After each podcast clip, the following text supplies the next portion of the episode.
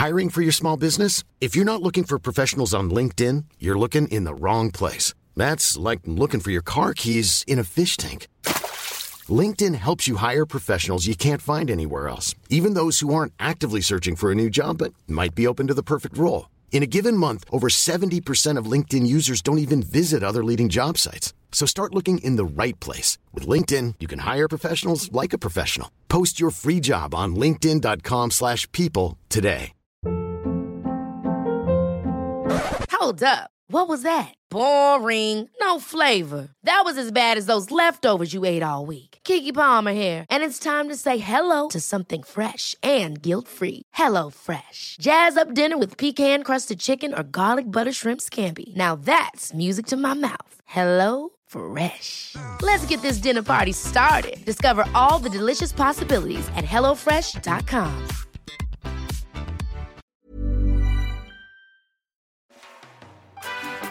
Hej och välkommen till I väntan på katastrofen med Kalle och Patrik. Och det är jag som är Kalle och det är du som är Patrik. Hej! Hur mår du Patrik? Vad sa du? Hur mår du Patrik? Ja, jag mår jättebra faktiskt. Väldigt, väldigt bra mår jag. Känner du dig förberedd? Ja, ganska förberedd så här på morgonen. Du, eh, eh, eh, vi har ju fått eh, eh, mycket reaktioner på förra avsnittet. Eh, vi kommer återkomma till dem. Men först vill du komma med en liten kommentar eller en fördjupning kring det här med brandskydd som vi nämnde som hastigast i förra avsnittet. Eh, berätta. Ja, det där är ju en beredskap som många har idag och eh, vi pratade ju om det här med, jag frågade ju dig om du har eh, satt upp en brandsläckare i hallen. Ja. Och sen ställer jag en fråga om varför ska den vara i hallen? Och då lyssnade inte jag. Nej, det, det är ju så här att eh, nu i vardagen så brinner det ju här och var. Det brinner det rätt så många villor och eh, om året faktiskt. Mer än man kanske tror.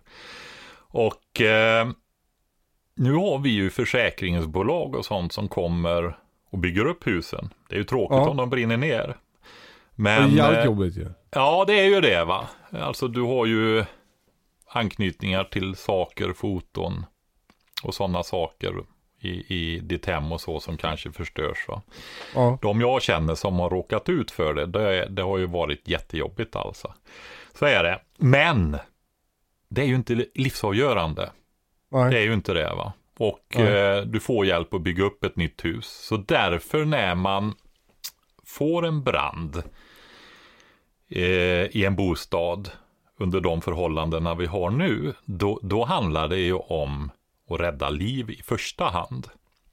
Ja. Eh, och då är det väldigt bra att ha brandsläckaren i hallen. Varför då? Därför att då måste du ju ta dig dit för att hämta den. Och när du rör dig mot branden så har du ju dörren bakom dig. Och det gör ju att du har evakueringsväg där va. Aha. Så du har som en flyktväg från där du hämtar Ja. brandsläckaren? Alltså tänk dig, eh, brinner ofta på natten. Du vaknar klarvaken. Har brandsläckaren bredvid sängen. Rusar iväg med brandsläckaren in. Eh, och jättestressad situation, tiden går och så vidare. Och sen har du ingen evakueringsväg. Va? Eh, Det får ju inte hända och eh, därför har man den i hallen. Och det är ju också en sån här grej eh, att om någon annan kommer in i din bostad, de ser att det brinner, då tittar man efter brandsläckaren i hallen bredvid ytterdörren. Ja. Den ska hänga där. Men sen är det ju en annan sak. Vi tog ju det här med den åldras brandsläckaren. Att man kontrollerar den själv faktiskt. Och det är slangarna kan spricka. De, jag tycker att de, jag har aldrig sett det. Och jag har haft brandsläckare länge. Så de håller bra, men man bör kolla det. Och som jag sa, gör det när du byter vatten. Men, och de har väl ett bäst före-datum ofta, brandsläckare? Ja, det har de. Och man kan, läm- man kan lämna in dem också och få dem kontrollerade. Är det något som man måste gå på det där datumet? Eller är det som med vispgrädde att det brukar hålla mycket längre? Alltså är du osäker och vill göra det besväret så gå på det. Jag själv tittar ju på slangar, jag tittar på trycket och jag vänder upp och ner och ruskar på dem som jag sa, de tre sakerna. Va? Eh, just så att inte pulvret ska eh, sjunka ner på botten. Då. Nu har jag ju många, många brandsläckare olika typer av brandsläckare. Hur många brandsläckare har du? Uh, ja, det är ju inte tio är det inte. Nej. Det är under Färre. tio. Jag, kom, jag vet inte exakt. Sju, åtta stycken kanske och Mm. någon Mm. 12 kilo. Så mest är det pulver, men jag har även skum. Nu vet jag inte Vad är skillnaden där? Ja, alltså pulver kan du ju använda på alla typer av. Därför har man ju den vanligaste i hushåll. Okej. Du har ju elinstallationer och sånt där till exempel. Om du har en skumsläckare så är det ju inte bra att spruta den i elinstallationen va. Varför inte då? Nej, det är ju vatten och skum och elektricitet och sånt i kombination. De här, det här pulvret, det kväver ju elden, lägger sig över elden och kväver den helt enkelt och är ingen fara vid elektricitet och sådana saker. Och det går att städa bort sen det här pulvret? Alltså det är ju, är ju nackdelen med pulver är ju det där att det är små pulverkorn och det tränger ju in precis överallt. Mm. Det, det är ju så. Mm. Så får man en brand på ett ställe där det inte är elektricitet så är det ju skönt att använda en skumsläckare istället. Nu ska man ju dock veta att eh, det är ju väldigt ofta där det är elektricitet det börjar brinna. Va? Okej, det är vanligaste orsaken. Ja, jag tror det. Jag har inte gjort någon research innan det här, men eh, diskmaskiner, tvättmaskiner, torktumlare och, och den typen av eh, maskiner. Det känns som att den här, som jag nämnde förut, sängrökningen är på väg tillbaka. Alltså att den är på tillbakagång. Det känns inte som att lika många röker i sängen längre. Nej, precis. Det är bra. Ja. Eh, förutom det här att kontrollera sin brandsläckare, om vi tar det här vardagliga brandskyddet nu då under det här, det är ju brandvarnare. Mm. Ofta brinner det på nätterna. Det kan ju vara kvarglömda ljus och sånt vid den här årstiden också till exempel. Mm. Mm. Hur ska man pla- placera sina, brand, eh, sina brandvarnare? Ja, alltså jag, jag har dels valt brandvarnare som är ihopkopplade. Går, Okej. går en så går alla. Ja. Alltså det blir ett väldigt liv. Låter lite lyxigare. Ja, men de är, det är relativt, det är inte jättedyra grejer. Utan eh, du håller inne knappen och så kopplar de ihop sig med varandra i princip. Det är bara att Okej. läsa instruktionen, det är inga jättekonstigheter, inga centraler eller någonting sånt där behövs. Utan de här är gjorda i förväg så att de kan kopplas ihop. Ja.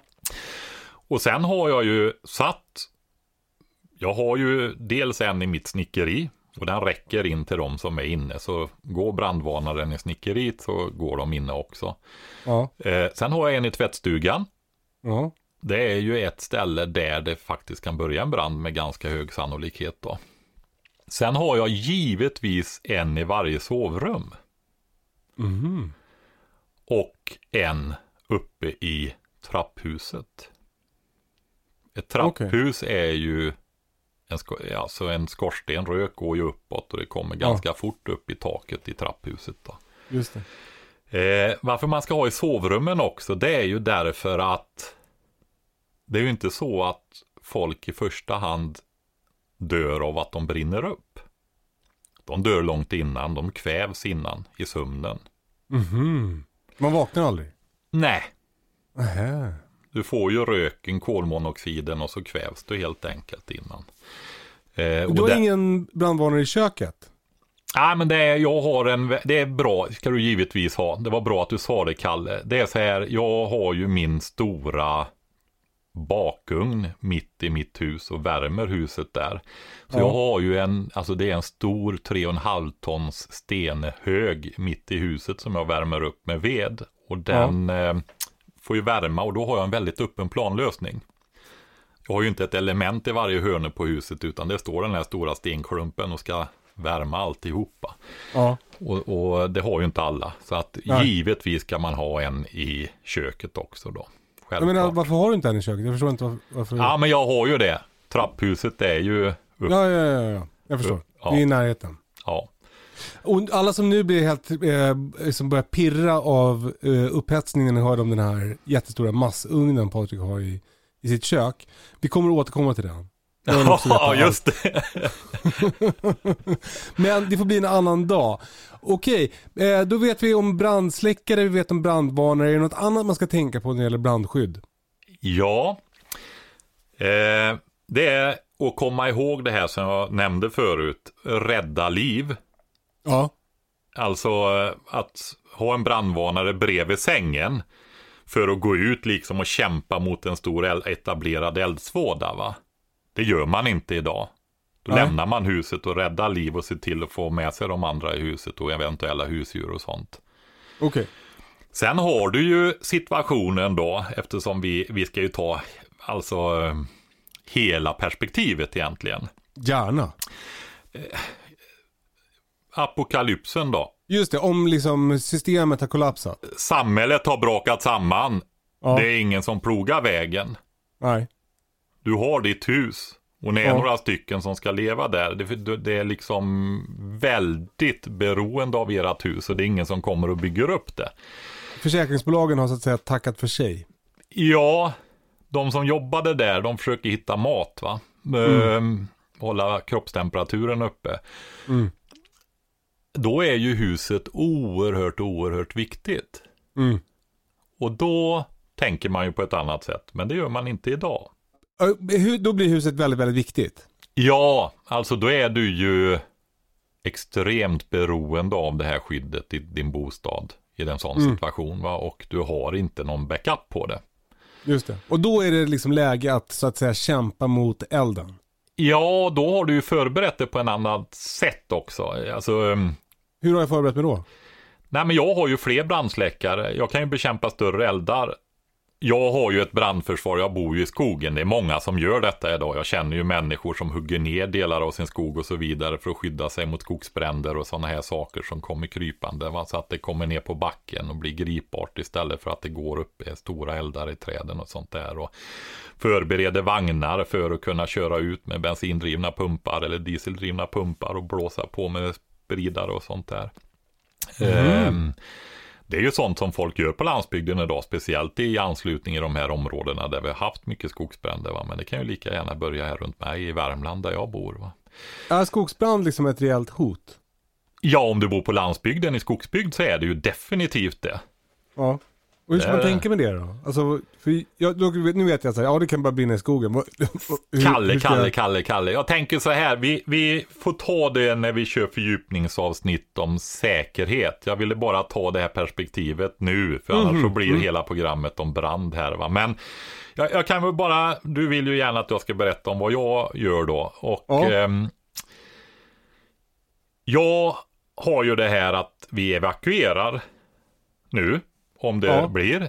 Men jag är ju också förberedd eh, betydligt längre än de flesta kanske för, för andra scenarier också. Och mina, jag har ju tre brandstationer i, i mitt hus för omedelbar direkt brandbekämpning. Och det är ju... Du, har- du har tre brandstationer i ditt hus. ja, det står ingen brandbil där Kalle, om du tänker på det. Alltså, eh, min son Björn, han, han lystrade precis till. Han, han undrar, kan man få komma och hälsa på hos Patrik? ja, men, vad, vad menar du? Du har, som, som, eh, du har brandsläckare på flera ställen i huset? Ja, men jag har ju också brandyxa på varje. Jag har, en, jag har ju två ytterdörrar, så att jag har ju en brandsläckare vid varje dörr. En tol- och en 12 kilos skumsläckare på ena stället och en 6 kilos pulver på det andra. Och sen har jag en även på övervåningen i trapphuset då. Ja. Och sen har du brandyxor. Sen har jag, det fanns ju, alltså förr om du tittade på landsbygden så hade man ju brandsläckare och så satt det alltid en sån här brandyxa bredvid med ett ganska långt skaft. Och det är ju för att om du får brand i golv, i väggar och så vidare för att du ska kunna hugga dig in och och komma åt brandhärden då va. Snabbt. Alltså att det brinner inuti väggen menar du? Ja, Okej. Precis. Ja, för jag har alltid undrat varför man har en brandyxa. Och vad som är speciellt med den, du sätter den lite längre. Ja, det är en kraftigare och det, det Ja. är ju för att komma åt.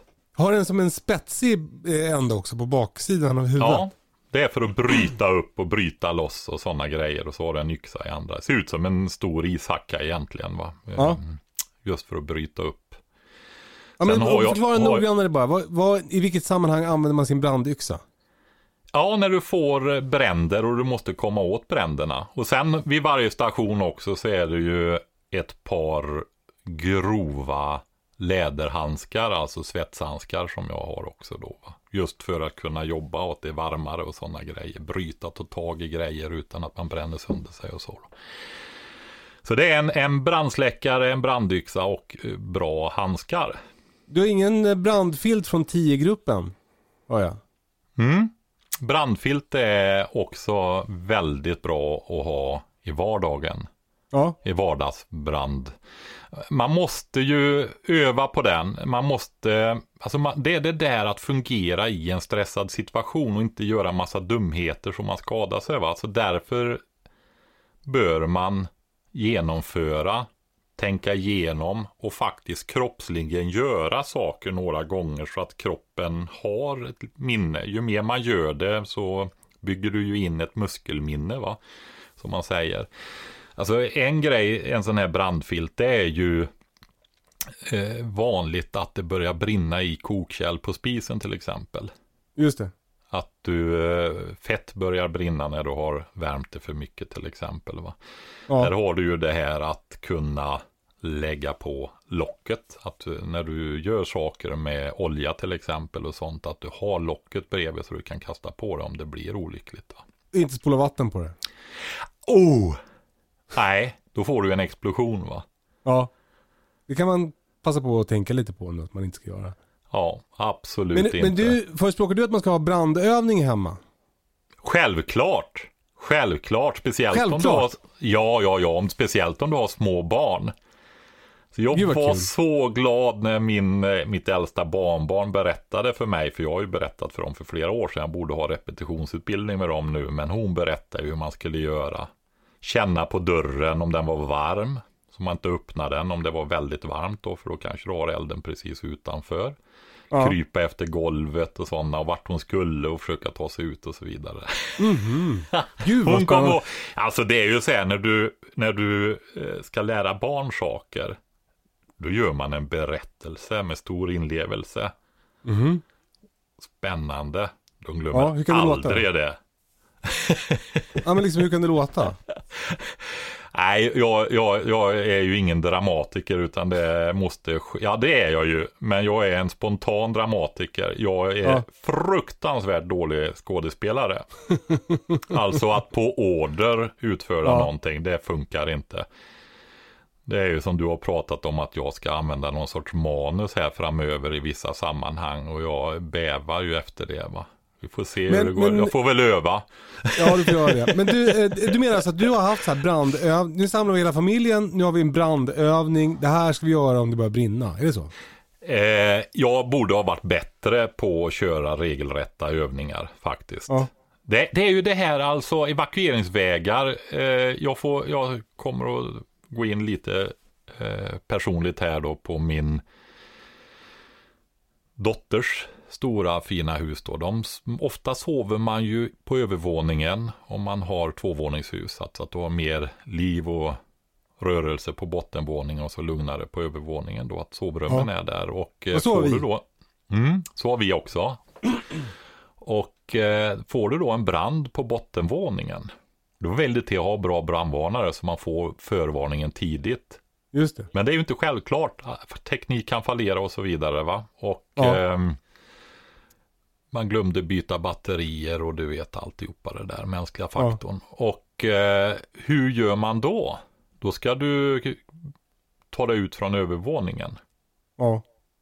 Var är barnen? De är så pass stora att de inte är i sovrum, de vuxna sovrum och så vidare. Hur ska de ta sig ut? Går det att ta sig ut den vägen? Finns det mm, repstegar? Kan barnen använda dem om inte du kan nå barnen? Ja. Alltså hur sätter man upp dem i ett fönster så att de sitter fast så att man kan klättra ut? Det är ju, har du barn i 5, 6, 7, 8, 9, lite äldre också. I den åldern. Så det är klart att man måste öva på det där. Ja, och det låter ju som en ganska kul familjeaktivitet också. Ja, istället för en Netflix-serie så kan man ju faktiskt göra så en gång då. Men och du förespråkar du att ha repstegar i sovrummen på övervåningen? Alltså det finns jättefin, ja självklart. Alltså det är inte självklart. Jag har inte det. Hur ska ni komma ut om det brinner och trapphuset? Ska du kasta ut dina tvååriga barn från andra våningen eller hur hade du tänkt dig? Nej men jag har inte tänkt på det innan vi pratar om det nu. Utan det här är ju första gången som jag tänker på det. Men jag tänker då att jag hoppar först. Och det klarar jag nog tror jag. Och, så, och sen så får Britta kasta ut barnen till mig. Så fångar de. Mm. Och sen får Britta hoppa. Och så får vi hoppas att hon också klarar det. Tycker du det låter som en bra idé att skaffa en repstege? Ja, det-. Nu är det ju ingen stege i rep. Utan det är ju en metallstege man skaffar oftast. Okej. Ja. Alltså i, eh, fast fortfarande ihopfällbar menar du eller? ja, ja det är den. Och Ja. sen kan du kroka den i eh, nederkanten på fönstret. Då, att få öppna fönstret och kroka fast den där. Just det. Och det är ju också att man ska pröva detta under ordnade förhållanden med någon säkerhet, extra säkerhet och sådär så att man känner att man kan lita på den där. Ja. Det är också bra då va? Alltså vad menar du med extra säkerhet? Alltså att man har typ Ja, alltså, sele? och, ja, sele om du har tillgång till det, men det har väl de flesta inte, utan du kan ju göra en eh, pålstek. Alltså, man får Ja. ju inte göra en ögla som kan glida och har Nej. runt bröstkorgen. Utan man måste göra en eh, ögla som är fast. För Just det. annars om du ramlar med en sån där löpande ögla, då dras ju den åt Just det. Kan bli eh, väldigt, väldigt dramatiskt. Utan du måste göra en ögla som inte glider. Alltså som har samma storlek oavsett hur mycket det dras i den. Och det är ju pålsteken då. Det får man öva på. Det kan du ha som din konkreta uppgift idag. Lär dig att göra en pålstek. Ja. Hur vet du att jag inte kan göra en påstek? Kan du inte det? Nej, jag kan inte det. Men jag undrar hur du visste att jag inte kunde det? Nej. Nej, jag visste inte det Kalle. Men eh, om vi säger så här att sannolikheten att du kan göra en, en pålstek om man tittar på statistiskt så är det väl så att de flesta kan inte göra en pålstek idag. Du, Patrik, Ja, får jag fråga, är, är det okej om jag börjar sammanfatta det här med brandskyddet? jag ska se om jag var färdig där. Vi kom in på övning och sånt också då. Ehm, jo, alltså jag vill bara betona det. det. Idag har vi en situation. Man behöver inte göra hjälteinsatser och riskera livet i en sån situation. Nej. Det är små eldar i tidiga skeden som man använder brandsläckaren på. Och Ja. väldigt mycket också, det här är ett generellt, när man skaffar utrustning så är Ja. utrustningen värdelös. Kan vara farlig om man inte lär sig använda den. va. Okej.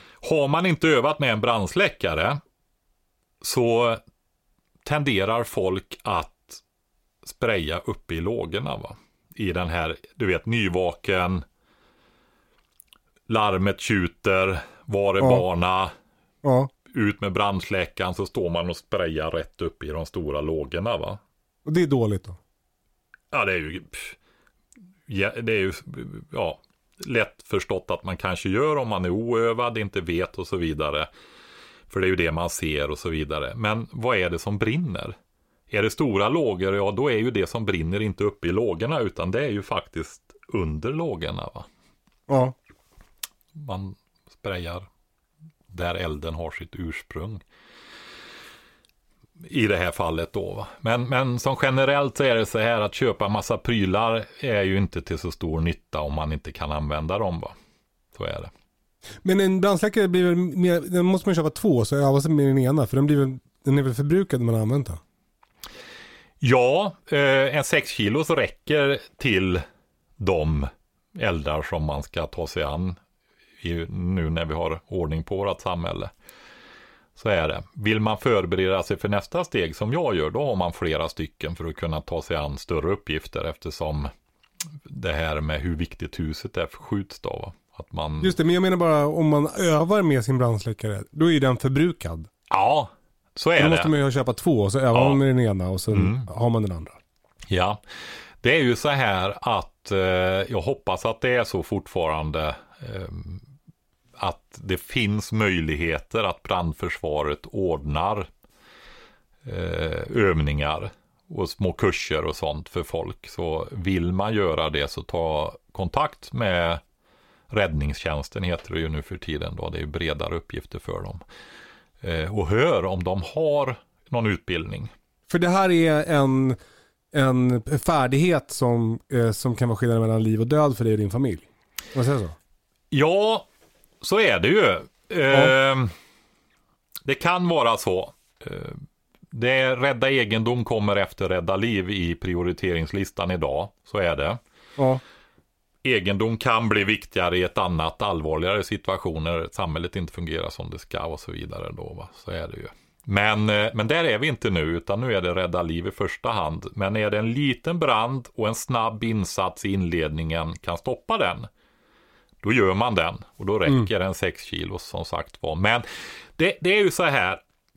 Jag försökte läsa på universitetet en gång i mitt liv. Och jag gjorde det i ett år. Mm. Sen ville inte jag göra det mer. Nej.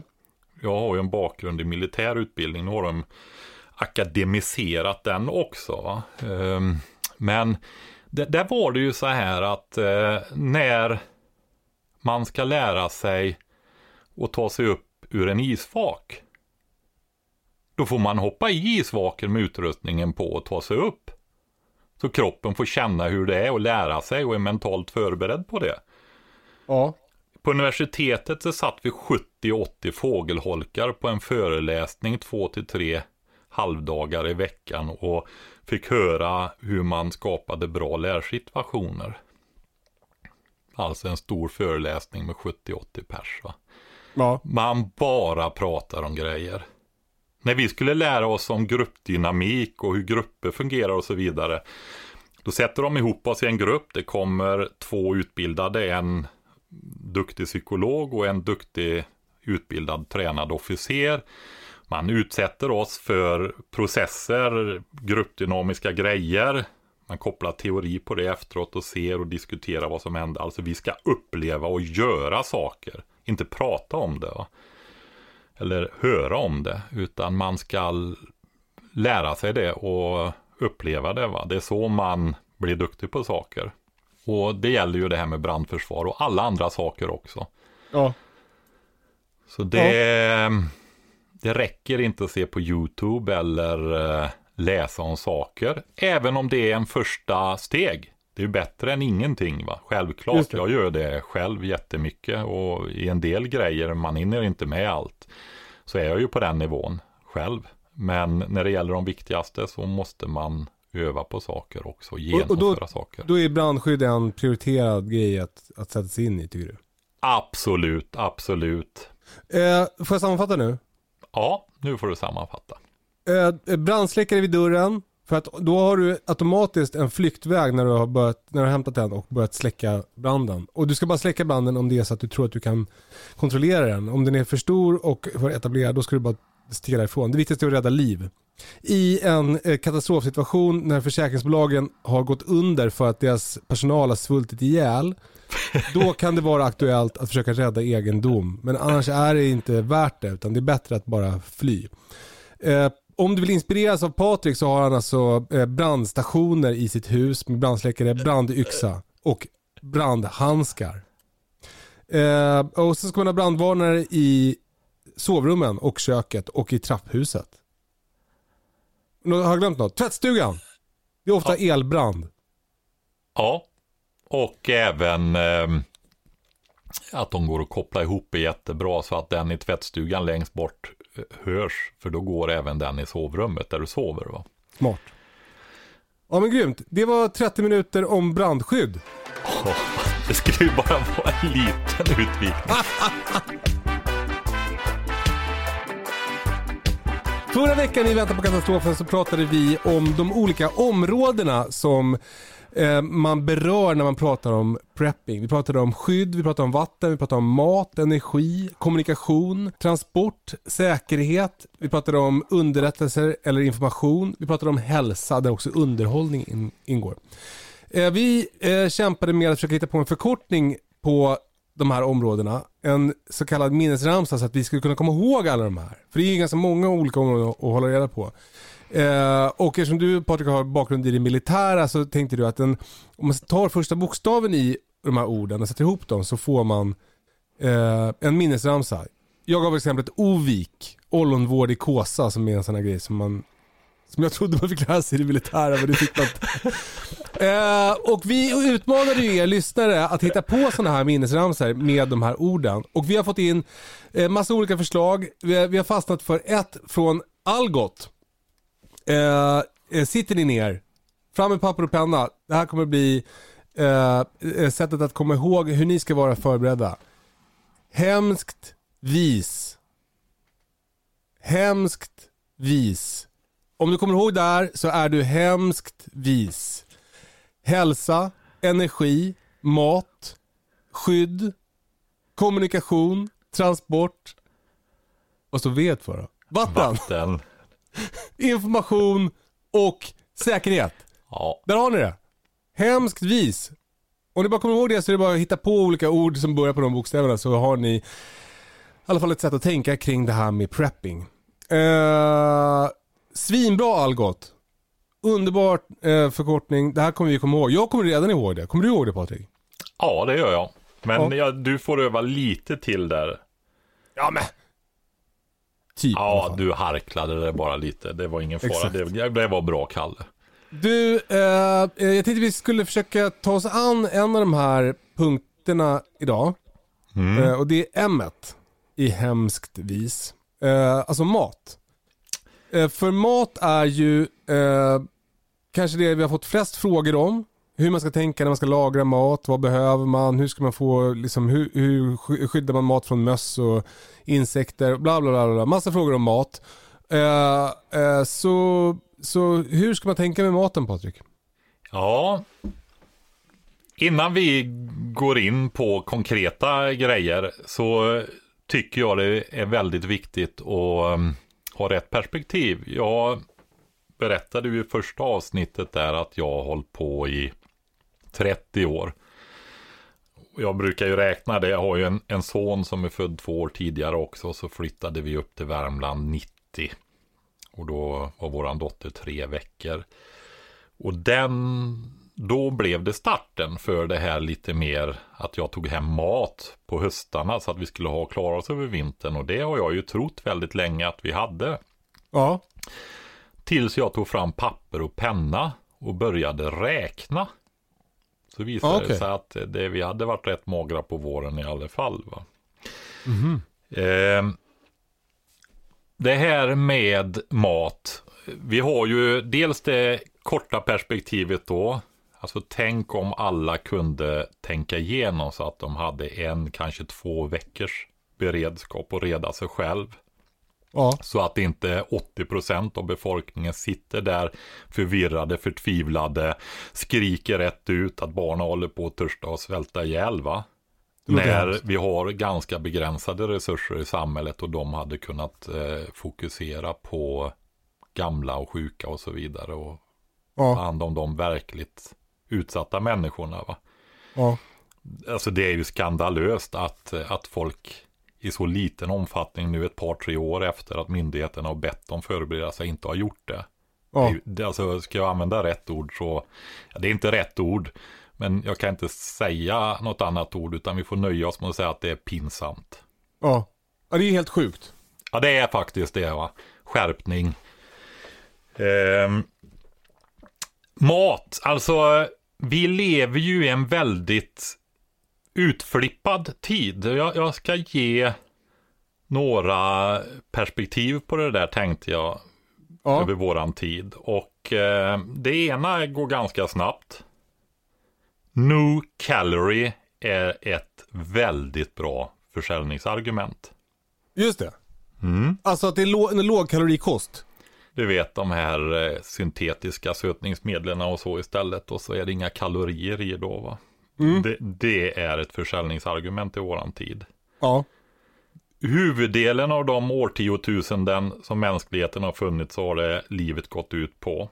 För de flesta levande varelser så går livet ut på än idag på att huvuddelen av tiden samla ihop tillräckligt mycket energi för att överleva. Ja. Varenda liten process, som jag sa här i förra avsnittet, varje liten enzym som ska kunna bryta ner en molekyl inne i kroppen, kanske hundratusen gånger i sekunden. Varje tanke, precis allting behöver energi.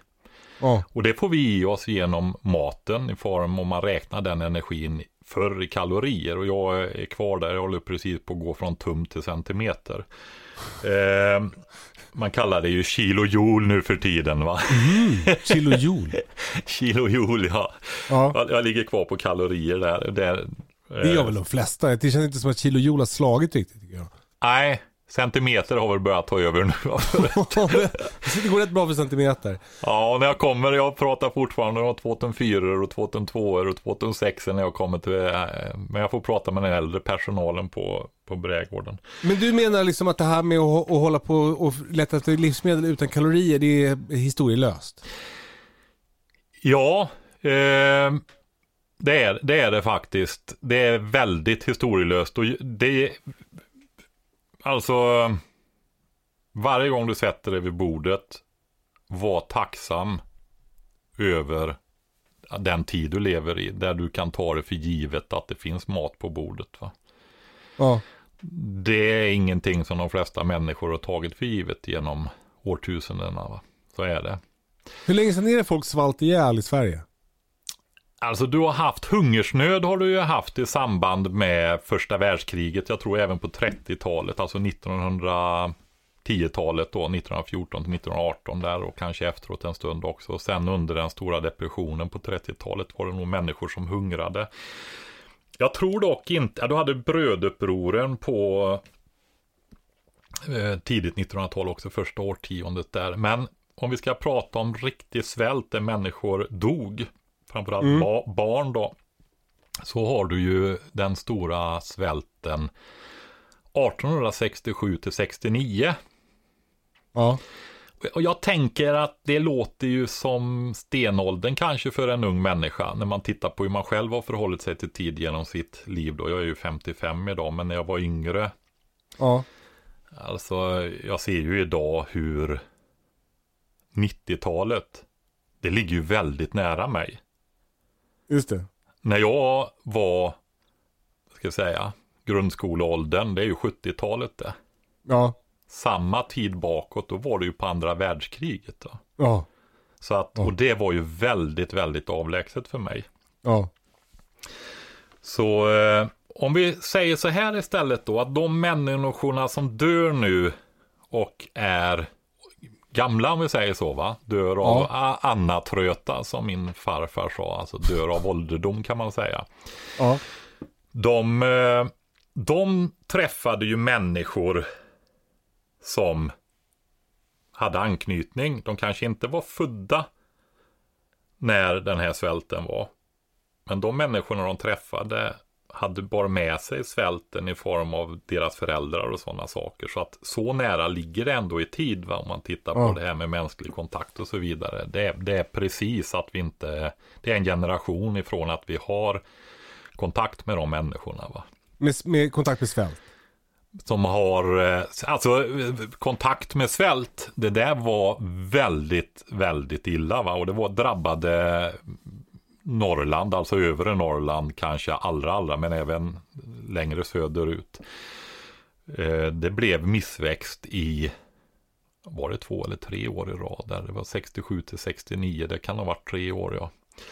Och eh, du har ju bygder som svalt ihjäl i princip alltså. Byar Ja. och sånt. Eh, Du, du hade ju att, ja man hade många barn, så var det ju på den tiden. Många dog och eh, man hade många barn för att de stod ju också för tryggheten vid ålderdom och så vidare. Och, eh, Och så fick man räkna med lite svinn. Ja, det var ju, många barnaskaror var ju så att det kanske föddes 10, 11, 12 barn och så överlevde 3, 4 stycken överhuvudtaget då. Men tar vi den här perioden då med den här svälten så har du ju det här scenariot. Alltså tänk dig att vara vuxen.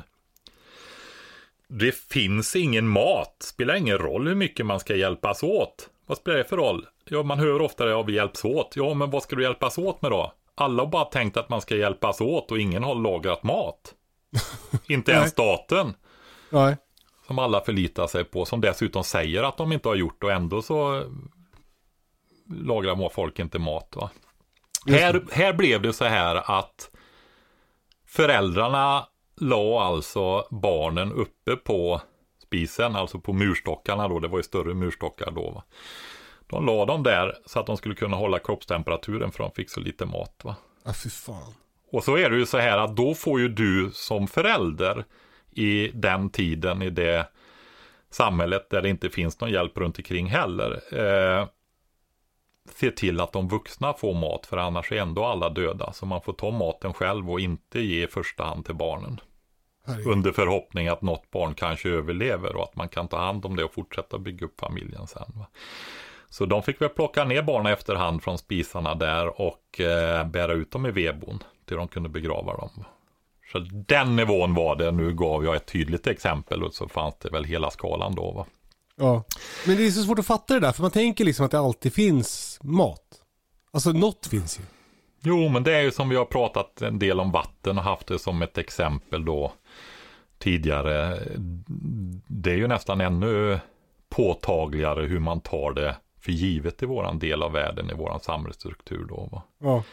Alltså det, det, är lite intressant. Jag försöker ju få det här, alltså vi bor ju i en väldigt utsatt del av världen.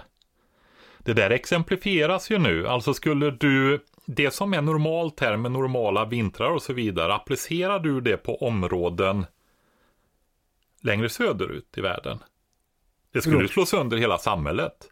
Alltså som det som händer i Texas nu till exempel. Precis, det var den kopplingen jag tänkte göra. Jag har det här, jag brukar ha den här berättelsen, bildmetaforen tidigare och nu hände det faktiskt. Ja. Alltså tittar du på bilder ifrån Texas, Ja. alltså tittar jag ut genom fönstret här nu så är det ju tio gånger värre utanför mitt fönster.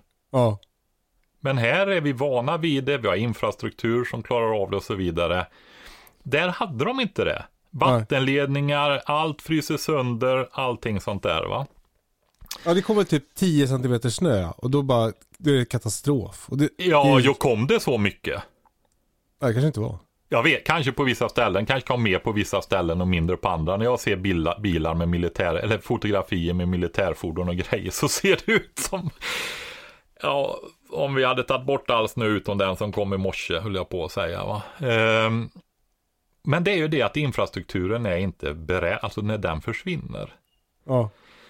Tänk dig då i våran del av världen, med mycket värre och infrastrukturen skulle För försvinna. det var väl det som hände där 67-69. Det, det var väl att det blev väldigt, väldigt bistra vintrar va? Vintrar, va? Ja, de hade ju inte det här globala, alltså det fanns, man exporterade spannmål i södra Sverige, så det handlar också om politiska beslut. Va? Att man inte tog saker på allvar och kanske inte fick rätt beslutsunderlag och sådana saker. Va? Det går att vara väldigt hård i historien. Men, Men också, för jag läste en bok om det där eh, som heter Svält. Den kan man för övrigt läsa. Den heter Svälten. Den var svinbra. Jag tror att det var Augustpriset kanske. I'm Sandra, and I'm just the professional your small business was looking for. But you didn't hire me because you didn't use LinkedIn jobs. LinkedIn has professionals you can't find anywhere else, including those who aren't actively looking for a new job but might be open to the perfect role, like me. In a given month, over 70% of LinkedIn users don't visit other leading job sites. So if you're not looking on LinkedIn, you'll miss out on great candidates like Sandra. Start hiring professionals like a professional. Post your free job on linkedin.com/people today.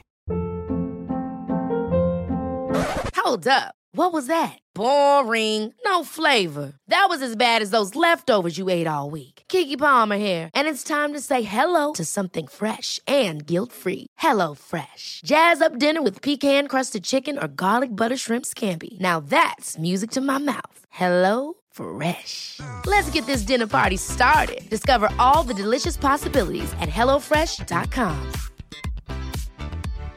One size fits all seemed like a good idea for clothes Nice dress. Uh, it's a it's a t-shirt. until you tried it on. Same goes for your healthcare. That's why United Healthcare offers a variety of flexible, budget friendly coverage for medical, vision, dental, and more. So, whether you're between jobs, coming off a parent's plan, or even missed open enrollment, you can find the plan that fits you best. Find out more about United Healthcare coverage at uh1.com. That's uh1.com. Eh, men och då var det så att de ville skicka en eh, skepp med, eh, alltså f- fartyg upp till Norrland med eh, nödhjälp. Men de kom inte fram för att det var så mycket is. Ah, det var så också ja. Ja. Okej. Ja, men eh, eh, så vi, det var liksom, eh, det, det var väldigt, väldigt kärvt då och det fanns helt enkelt inte mat. Men och då tänker jag, varför jagade de inte? Får jag säga en sak till om svälten innan vi går vidare, Kalle, där som jag vill ta med den biten. Ja, visst.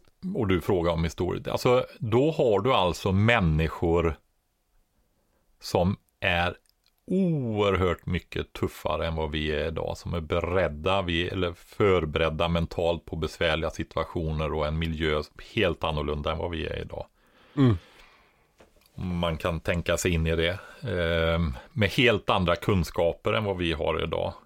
Alltså människor idag, det finns ju Ja men de mest grundläggande sakerna runt omkring oss vet inte människor hur de fungerar och håller ihop när man lever i sin bubbla av asfalt och, och betong där andra människor löser allting åt en. Man ringer någon som ska ju, rensa eh, vasken åt en när det är stopp i vasken. Va? Man ringer det. det finns, alltså jag har hört att i Stockholm finns det företag som försörjer sig på att åka hem till folk och skruva ihop billigbokhyllor och sånt där. Va?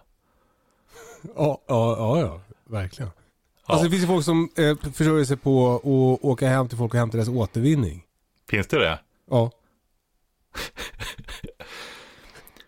Det På, ta, på tal om det här att utveckla sig som människa, att eh, bygga in, öva på saker. Ja. ja, jag skrattar åt det. Alltså, en av mina grejer som jag har hållit på med i åratal, det är att försöka få människor att faktiskt tycka att det är roligt att lära sig saker, att göra saker, att träna på saker. Ja. Ja men det finns ju en app nu som heter TipTap så du behöver inte kunna något. Du kan någon annan komma hem till dig och hämta dina grejer. Ah.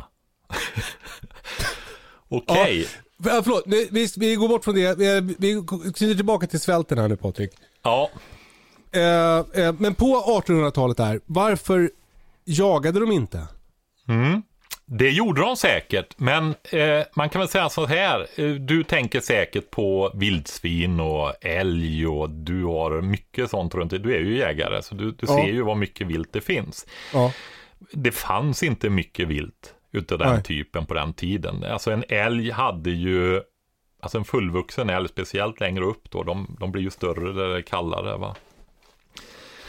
Eh, det var väldigt mycket kött för ett hushåll. Så att man tog en älg om man hittade den i princip om det var lite enklare folk. Va? Det Ja. fanns inte mycket älg. Nej. Och det här enorma älgtrycket som vi har idag, det är ju en frukt av det moderna skogsbruket. Just det. Du vet kalhyggen och sen är det massvis med eh, små träd. Med Alltså tallplantor som de gillar att äta. Ja, precis. Speciellt tallplantor. I vissa delar av landet så går det ju nästan inte att plantera tall för att älgarna äter upp det. Va? Så att skogsbruket har ju alltid velat ha en ökad avskjutning av älgen. Ett ökat jakttryck då. Eh, men en annan grej som är, en annan aspekt av det här med jakten, det, det har du berättat för mig förut, att eh, viltkött är inte så kaloritätt som man kanske tror. Jag hade en annan grej. Vi pratade om det här med kalori och svält, att det är kaloribrist som är svält. Ja. För, får jag ta det perspektivet först innan vi går in på det där med olika livsmedel och få perspektiv på, Ja, ja, på, på det här. Eh, ja, vi, vi tar utgångspunkt 1867, 68, 69. Det är typ 150 år sedan. Ja. Det ligger väldigt nära sett i ett historiskt perspektiv alltså. Jag hjälper en ekobonde, en lantbrukare med ett stort ekologiskt jordbruk nere i Västergötland och bygga upp en biodling. För han Ja. odlar frö på sin växtodlingsgård. Den är på 160 hektar. Han har fyllt 70 år. Han driver detta ensam. Ja, han får hjälp av en annan äldre man med, med traktorkörning och lite grejer sådär. Men i huvudsak så bedriver alltså den här 70-plussaren ett jordbruk på 160 hektar. Det är otroligt stort. Mm. Med hela det här moderna industrijordbruket, nu är han ekobonde, men om han, han har varit konventionell bonde, han har bland de finaste jordarna i landet där på Västgötaslätten då. Det är högkvalitetsjordar med hög avkastning. I, kör han med besprutning, konstgödsel, alltihopa det här. Vi, vi, ehm, kan, man kan alltid diskutera kvalitet och, och, olika saker och det, det gör vi inte nu. Men han kan alltså producera 10 ton vete per hektar.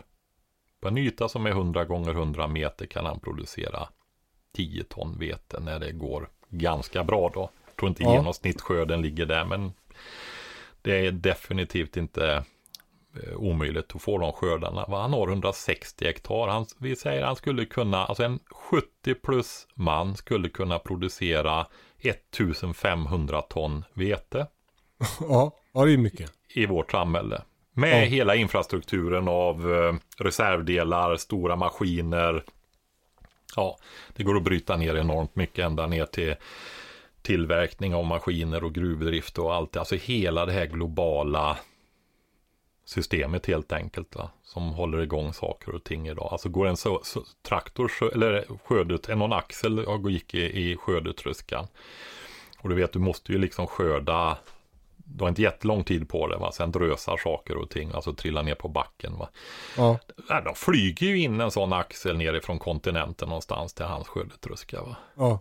Alltså det är så sårbara system så störs det så. Men när det fungerar.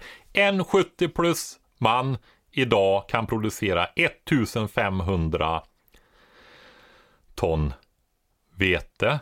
Ja. Hur många Ett... människor kan leva på det? Ja, alltså jag hade lite köre på morgonen här. Så jag, mitt, jag behöver ju datera upp sådana där detaljgrejer. Men vi kan börja så här. Ett kilo, ett ton vete, det är ju alltså tusen kilo ja. vete. Ja. Ett kilo vete. Ja. Det är alltså 3700 kilokalorier. Mm. För att ge ett perspektiv på det då. En eh, frisk, vuxen, medelålders människa tränar en till tre gånger i veckan, kanske då två, två och ett halvt tusen kilokalorier beroende på storlek då va. Ja. En mindre kvinna, nedre delarna kanske till och med lite under det där och en stor välvuxen man kanske lite över då, men två, två och ett halvt tusen kilokalorier då. Alltså 3700 det är alltså den energi en människa behöver under den bekväma livsstilen vi har nu på ett och ett halvt dygn. Ja. Om vi tar eh, på den tiden när man var tvungen att arbeta fulla arbetsdagar och de inte var åtta timmar utan tolv timmar. I alla fall när det var tillräckligt ljus så man kunde arbeta. Så, så hade du betydligt högre energibehov för att orka arbeta. Just det, för att det var mm. kroppsarbete oftast då. Ja, mycket. Det var ju det där jag sa om dieseln, hur billig den var. Att du för 5-6 kronor kan köpa energi som motsvarar två fulla dagsverken av de tyngsta arbetena. Va? Ja. Och att vi lever i floden av all den här billiga energin idag. Så att det motsvarar som förindustriellt hundratals slavar. Va? Ja. Det finns olika beräkningar på det där men det är många människor som skulle behöva alstra den energin. Va? Vi tar det bara, det är ju så här att vara människa. Så här är det liksom och det bara finns där, du ser det inte och då tänker du inte på det. Va? Men du, Nej. alla flöden, alla processer, allting badar i den här billiga energin. Va? Då var du tvungen att, att göra saker. Ja. Det skedde ingenting. Det, det, det, kom ingen lastbilstransport med grejer va? Nej. Nej. Eller ett fartyg eller värme genom elen i en ledning. Utan du fick hugga fälla träden, hugga veden, bära in veden och så vidare. Va? Ja. Eh, men i alla fall, 1500 ton. Det är en och en halv miljon kilo. Ja. Det föder ganska många människor. jag orkar inte byta fokus och börja räkna vid sidan om här då det blir för långt uppehåll. Men det är jättemycket mat va. Ja. Om vi tar det här med att applicera ekonomi på det igen så är det så att om du har ett kilo vete och köp, går till en bonde och köper det av honom Ja. så kan du bra år köpa det kanske för 1,50 per kilo. Ja. Orensat helt vete.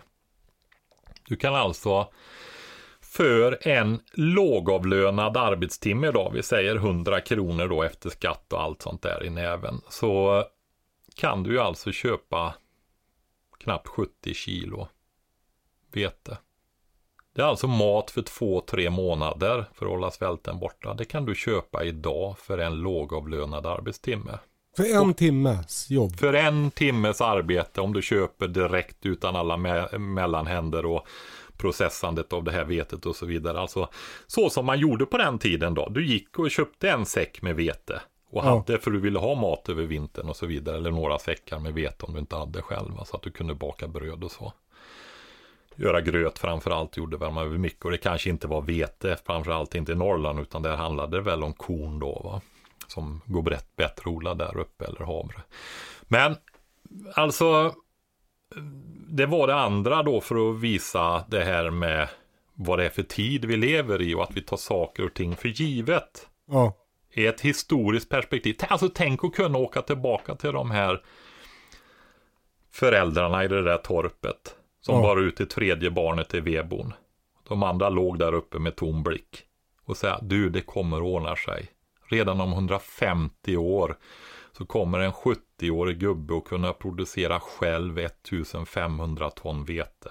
Ja. Han kommer att, för en lågavlönad arbetstimme, en daglönare, kommer att kunna köpa, för en timmes arbete så kommer de att kunna köpa tre månaders mat. Ja, det, det är för att ge ett perspektiv på vad du som lyssnar på det här lever i för värld idag. Ja. Den är, den är inte, den är inte normal. Den är normal nu, för vi lever i den, men i ett historiskt perspektiv så är det totalt utflippat. Va? ja. Får jag sticka emellan med en fråga? Ja, Eh, Kan man äta bara vete i två månader? har du ätit en eh, burk med hel majs någon gång? Ja. Ja. Har du, Alltså majskorn? Ja. Ja. Har du ätit helt ris någon gång? Ja. Om du tänker efter, har du inte gått förbi någon påse i affären där det står matvete på? Jo. Ja, det är ju det. Matvete. Du kokar det som ris helt enkelt och tuggar Okej. på det. Men sen är det ju så att om du gör gröt till exempel, då krossar du ju det. Du behöver inte mala det och göra mjöl av det, utan du krossar, krossar säden då va. Ja. Och kokar den, blötlägger den över natten så att du får bort fytinsyror och sånt och så kokar du den på morgonen. Eh, För, jag, jag har ju en vetekran eh, som jag köper vete ifrån. Jag, jag, dels matar jag vildsvin med det i skogen och sen så har- ger jag också till hönsen uppblandat med eh, köper hönsfoder. För Det är mycket billigare eh, med vete då. Och sen så, sen så har jag då på inrådan av dig eh, hällt sån här vete i tättslutande tunnor. Så att jag Mm. ska ha över tid. Men, men det som jag inte riktigt har vetat då först nu, det är vad, vad gör jag med den om jag måste använda den för att min familj ska överleva? Men då, då kan jag alltså koka den som matvete eller göra gröt genom att krossa den. Ja, eller Ja. också så skaffar du en kvarn. Så kan du mala den till fullkornsmjöl och göra fint surdegsbröd. Ja. Vi, vi kommer återkomma antagligen till, eh, till kvarnar i framtida avsnitt. Ja, vi, Eh. precis. Vi, vi ska ju hålla på i 14 år eller vad var det du sa? Ja, ja tills du blir för gammal och gaggig. Ja, men det här med eh, maten också då. Alltså det här att kaloribrist är svält. Ja, Det är det som är, du kan, du får inte fylla på energi i din kropp. Så tankeprocesser kan löpa fullt ut.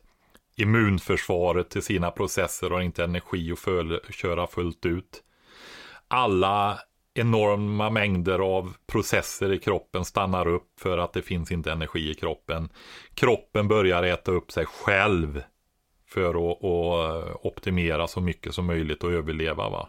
Ja. Det är svält. Ja. Det är det som en del människor råkar ut för fortfarande i världen då. Det andra som vi ofta pratar om och som man blandar ihop, det är därför jag, jag märker ju det, jag pratar ju med människor runt omkring mig om sådana här saker och det är lite, det, det, är så fjärmat det där som man har inte riktigt klart för sig det där, för jag betonar det så mycket nu. Va? Det andra är ju näringsbrist och det är också viktigt, du får bristsjukdomar och så vidare. Va? Skörbjugg. Ja, det är ju C-vitaminbrist bland annat då. Va? Du får tänderna trillar ur munnen och så vidare. Och du har det, olika vitaminbrister och sånt där. Mineralbrister.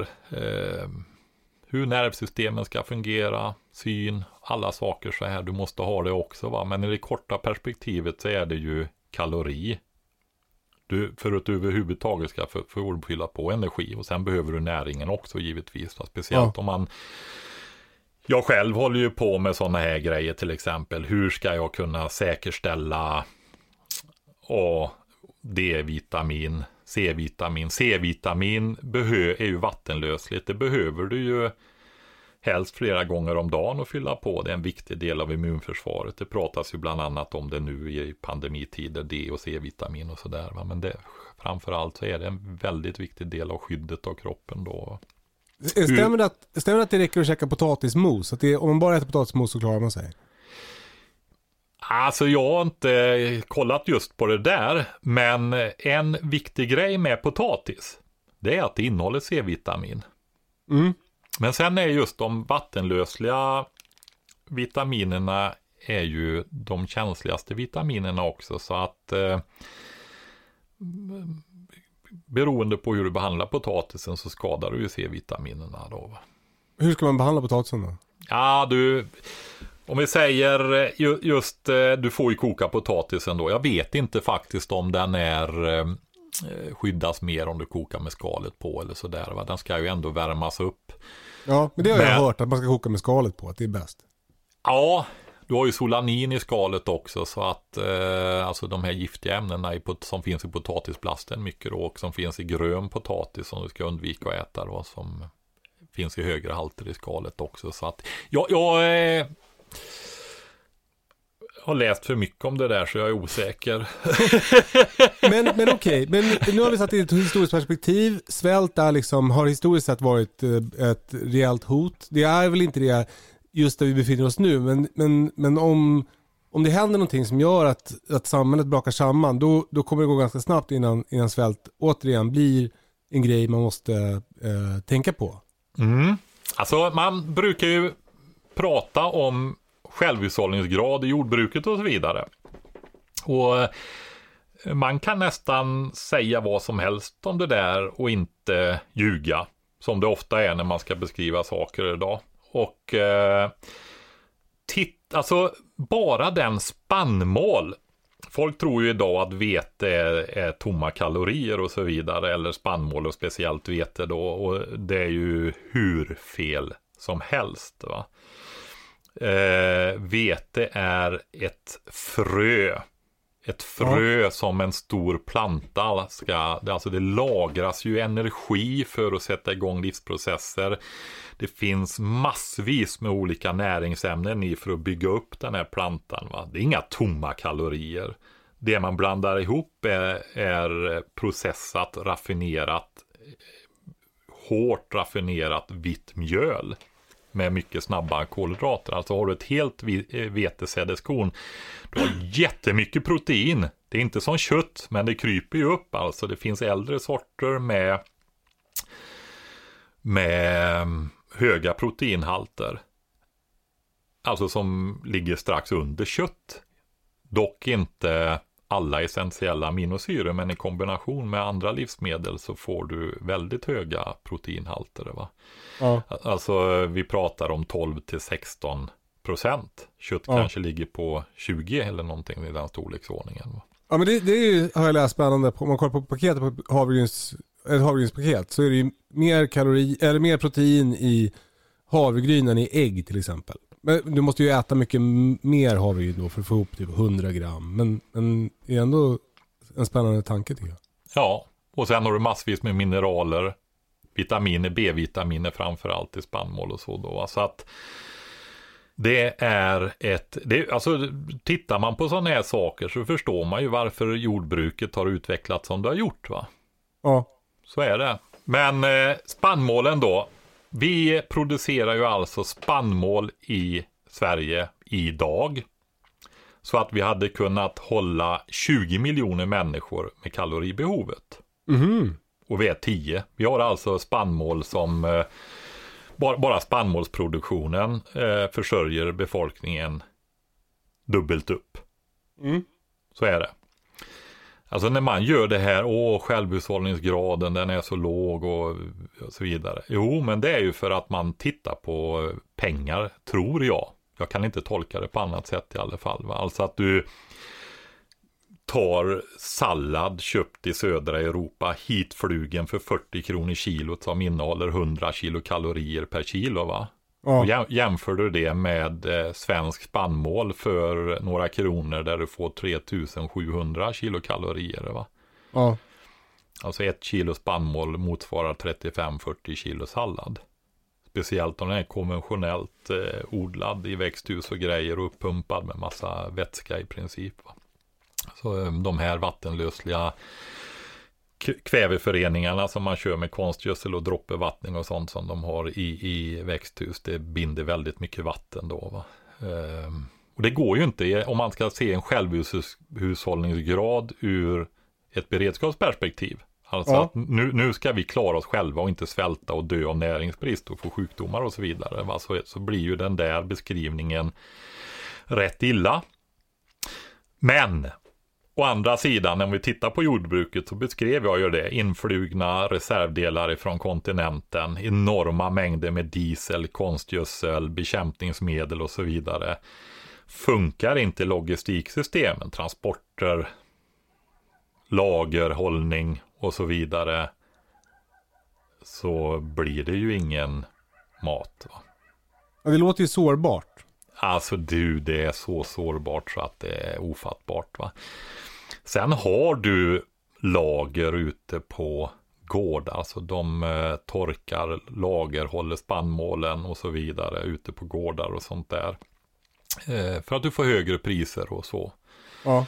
Eh, potat, stora potatislager blir inte Potatis är ju en levande, precis som vete och allt sånt annat. Då. De är ju levande och det sker en ämnesomsättning och så. Så att har du ett stort isolerat lager, även om det inte är en jordkällare utan ett, en stor lagerlokal ovan jord då, så alstrar ju x antal tusentals ton potatis, en del egen värme och så vidare så att det inte fryser sönder om det inte blir riktigt, riktigt, riktigt kallt. Alltså de där matlagren de ligger ju runt om i landet. Mm. På samma sätt som bönder, kobönder och så, de, de skördar ju gräs, klöver, hö, ensilage på somrarna som ligger i lader och, och silosar av olika slag då. Så Ja. att där har du ju kalorierna men de ska först gå igenom en idisslare då va. Och eh, de kan, men sen ska ju den här lagren kunna distribueras ut till folk i extrema krissituationer då. Mm. Ja, jag frågade eh, med anknytning av min hemkommun Sunnes eh, räddningstjänst där om de hade Ja, det var eh, inte räddningstjänsten direkt utan en med anknytning till det. Ehm, om de hade pumpar så att de kunde få upp bränslet ur de bensinstationers tankar som vi har i Sunne åtminstone. Alltså pumpa bensin är inte, ja, det är lite känsligt va. Ja, ja. Eh, Du vill inte ha några gnister där och så vidare. Och du vet att bränslet finns ju om de inte precis ska fyllas på nästan i tomma så finns det ju lite reservdepåer i det korta perspektivet. Kan man komma åt det om inte Alltså på bensinmacken liksom. Ja, precis på de Ja. mackar som finns så här akut reservdepåer. För det finns ju inga andra depåer nästan. Va? Eh, och det skulle de tydligen ha då så att de kunde göra det. Ja. Du vet det här få ut den där, eh, mycket äldrevård och sånt eh, är ju ute i stugorna. hemtjänst och, och de, de, sitter där och är sjuka och kan knappt gå upp och vara hjälp med allting. Va? Hur ska du komma ut och få mat till dem och så vidare. Bara en sån enkel grej. Just det. Men, men äh, äh, för att återknyta lite till det här historiska perspektivet. Så en grej som du har sagt till mig äh, som jag tyckte var så ögonöppnande. Det var det här med att odla grönsaker ur ett självhushållningsperspektiv. Det är liksom en lyx. Därför att det är inte något som du kan, ett grönsaksland mättar liksom inte kaloribehovet för din familj i en krissituation. För att Nej. du sa till exempel då, om man odlar vitkål, för man tänker så här, förr i tiden åt man kål och, ja men du vet. Men då sa du att man måste äta 20 kilo kol om dagen för att få ihop de kalorier som man behöver. Ja, alltså de som är äldre idag kanske inte är lika utpräglat så som de äldre jag träffade när jag var yngre. Alltså, du vet, äldre människor åt inte grönsaker. Möjligtvis lite gröna ärtor och ärtsoppa eller ja, kåldolmar eller någonting sånt där va. Ja. De... Vad åt de? Potatis? Ja, potatis åt de ju såklart va.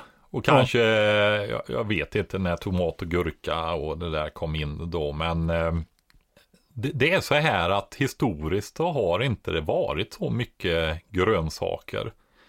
Och det ligger ganska nära oss i tid, så därför så var de äldre när jag var yngre hade kontakt med det. Det fanns liksom ingen tradition att äta jättemycket grönsaker, för det gav ju ingenting.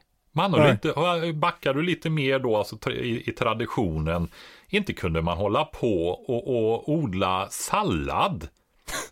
Nej. Nej, men skulle du ut och hugga i skogen och behövde du 4000 plus, kanske 5000. Alltså, ska du äta sallad, du fick ju äta 40 kilo sallad för att få ihop det där va? Ja. ja.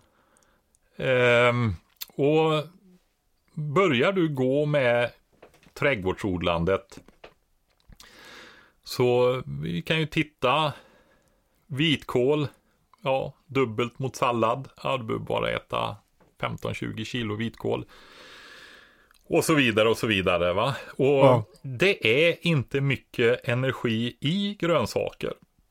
Sen jag har odlar mycket grönsaker. Jag eh, eh, tycker det är jätteviktigt. Men det är inte det som kommer att hålla svälten borta. Det är det som kommer att hålla sjukdomarna borta. Va? Ja. Det är där du producerar mineraler, vitaminer och så vidare. Jag kör ju så här att spenat till exempel är en planta som det är väldigt lätt att ta frö efter. Den växer ja. snabbt och, och, så vidare. va. Vilket gör att du kan ha rätt stora lager av spenatfrö. Det kan du odla på vintern för att ja. ha färska och ta det vi kallar baby leaves då, alltså småblad eh, inne i fönster ja. och så vidare om du inte har el och belysning och så. Nu pratar vi jättelånga perspektiv då där jag tänker en hel del i, i nu för tiden. Tycker det är ja. roligt att lära mig. Eh, som till exempel, då kommer den, de bladen där med de C-vitamin och allt det innehåller när det är svårt att få C-vitamin på vintern i mörkret. Ja, nu är det D-vitamin som är ljusberoende men ja, då blir det viktigt va. Men ja. håller inte svälten borta. Så är det va, och svälten är liksom nummer ett, för när du börjar svälta då spelar resten inte så stor roll va. Eh, potatis är ju en sån som är bättre. Men om vi håller kvar vid det, vi, vi kan släppa det där med 2-2 tusen med kontorsarbetaren som tränar en till tre gånger i veckan. Va? Därför att när vi rör oss i det här, då är vi i en mycket besvärligare situation. Och då kommer vi att behöva arbeta mycket mer och behöver mer energi. Eh, vissa dagar så kanske man kommer att behöva 4 till 5 000 kalorier eller säg att vi hamnar i alla fall mellan 3 och 4 tusen kalorier per dag för de vuxna männen åtminstone för att de ska orka arbeta. Alltså det är ju så här. Får du inte energin så är du ju stopp. Det är som en bil som har bensinstopp. Ja. Jag, jag har ju nämnt det här att jag var i det militära ja. eh, som ung i fem år i slutet på kalla kriget. Och jag var ju på ett sånt här eh, förband för strid bakom fiendens linjer under väldigt lång tid. Så vi fick eh, Ja, det här som jag sa, vi skulle få det i kroppen. Va? Vi fick eh, göra väldigt hårda fysiska strapetser utan informationen som jag har nämnt. Vi vet inte hur länge övningen ska hålla på, vi kommer vet inte vad som händer. Så att vi får den här ovisshetsmomentet. Vi får nästan ingen mat. Vatten får vi, för det leder ju till skador väldigt fort och så vidare. Men ingen mat, vi ska kunna fungera och jobba ändå med hela den här mentala biten att allt är bara jättejobbigt. Och jag kommer ihåg en av de hårdaste övningarna och folk tog slut. Va? De spydde ingenting och jag, vi låg emot en stengärdsgård någonstans i södra Västergötland med bena upp. Man gör så. Förflyttar du dig så använder du benen mycket och får mycket blod i benen. Så när du lägger dig så lägger du dig ner och lyfter upp, lägger benen och fötterna på ryggsäcken eller någonting sånt där för att få bort blodet och vila. Okej. Okay. Ja. Men eh, alltså vi var, vi, det var stopp där. Ja. Och den som var, det här var befälsskolan då, så vi turades om och var gruppchefer och soldater och så när vi övade med varandra där. Och den som var gruppchef då, han gick iväg till en gård och hämtade några sockerbitar. Vi fick en sockerbit var. Ja. Mm. Det gott. Ja, men framför allt så var det ju liksom så här. Det var som en strömbrytare va. En liten bit sockerbit va.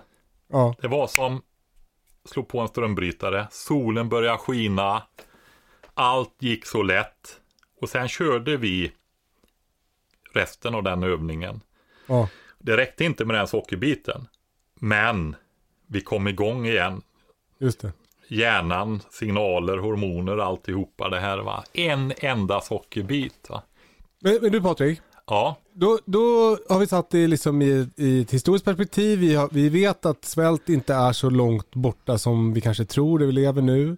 Vi, vi vet att det är viktigt att, att, att fylla på för, för annars så funkar man inte och då kan man inte jobba och då, då går allt åt helvete.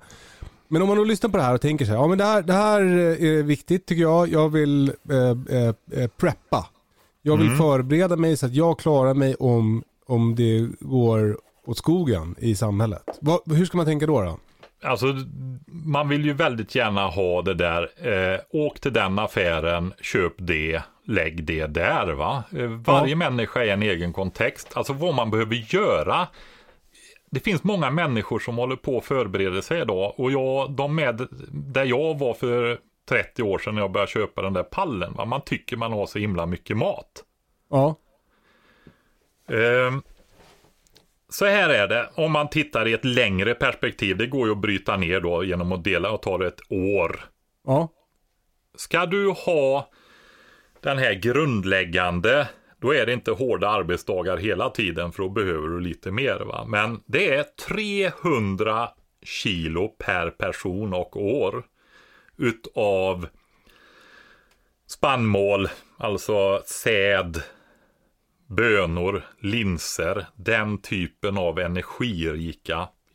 Man hör ju ganska fort att det här är sånt som ska gro och växa upp och bli någonting. De är energispäckade. Vi pratar ofta 3 till 4 tusen kilokalorier per kilo mat. Det är det som behövs om man ska klara sig. Vill du klara dig en månad, ja men dela då eh, 300 med 12 så får du 25 kilo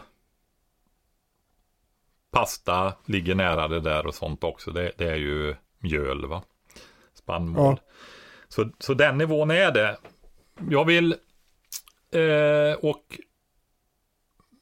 faktum är så här att eh, mycket av den maten som man kan lagra, det är ofta väldigt bra mat också som vi borde äta mer av faktiskt.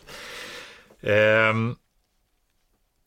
om vi inte raffinerar sönder den som vitt mjöl och så vidare då. Eh, ja, men inte... pasta är väl vitt mjöl?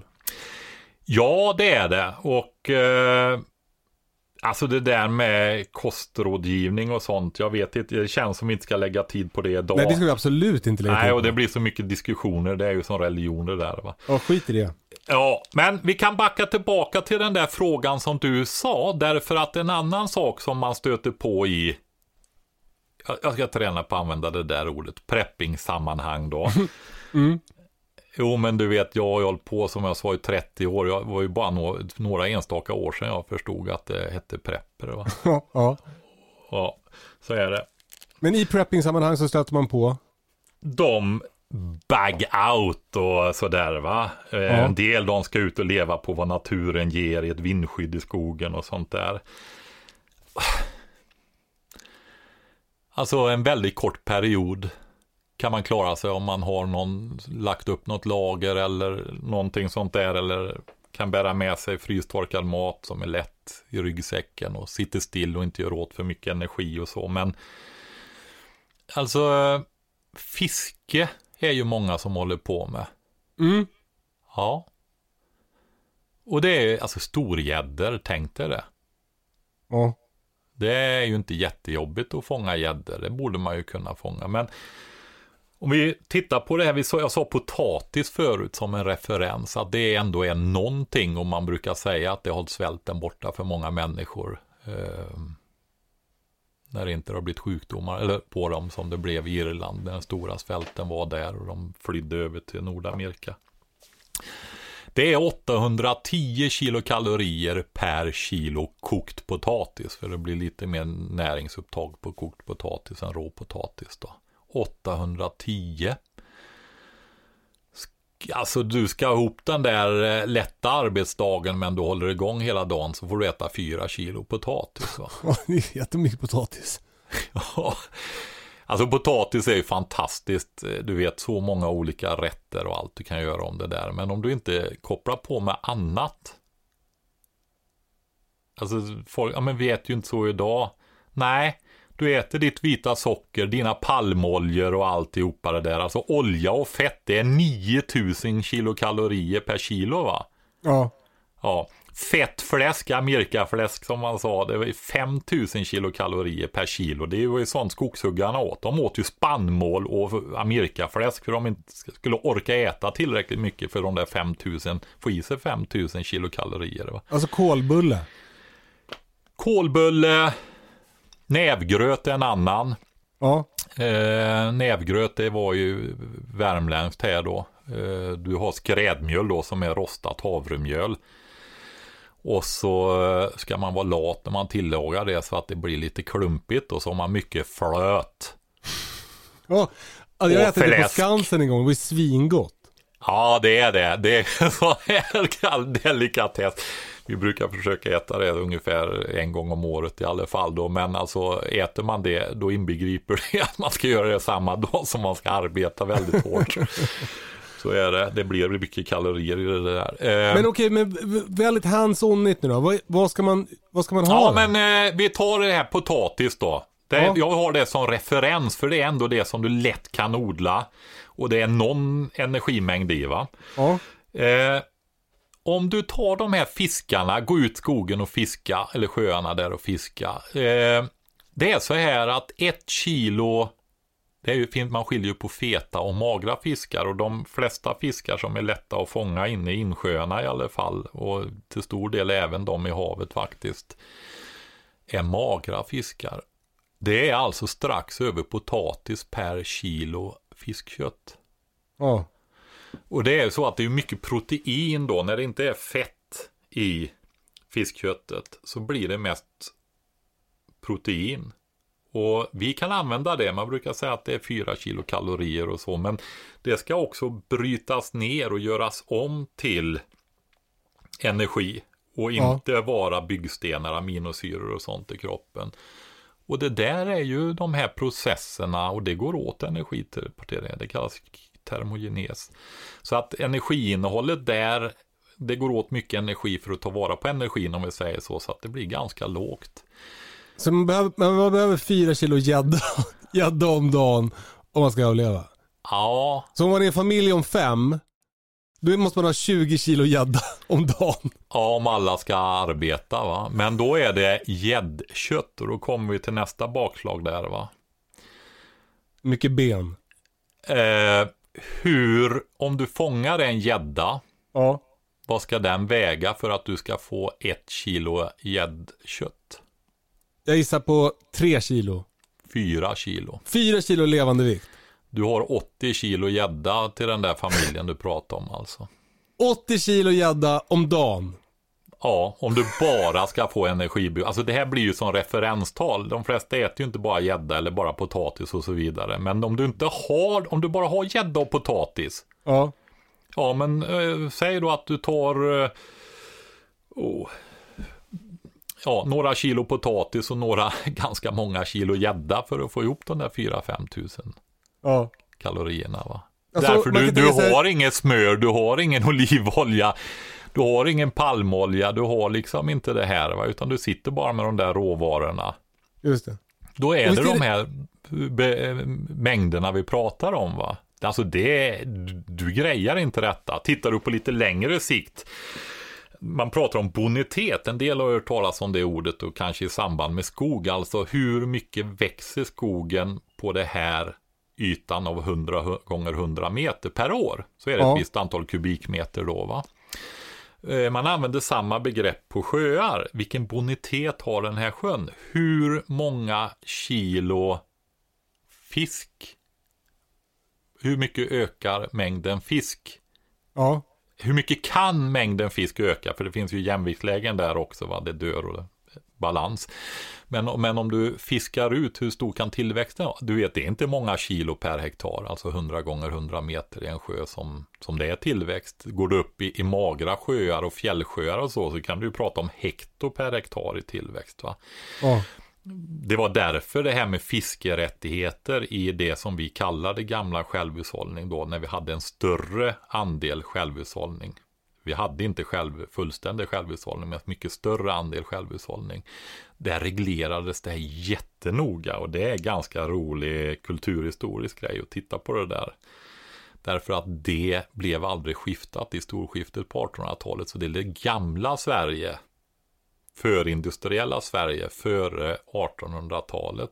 Det lever kvar i de gamla fiskerättsreglerna som är en mardröm när det ska redas ut idag därför det såg olika ut och så vidare. Men det viktiga i alla fall i det här perspektivet, det var viktigt men det var inte avgörande. Nej.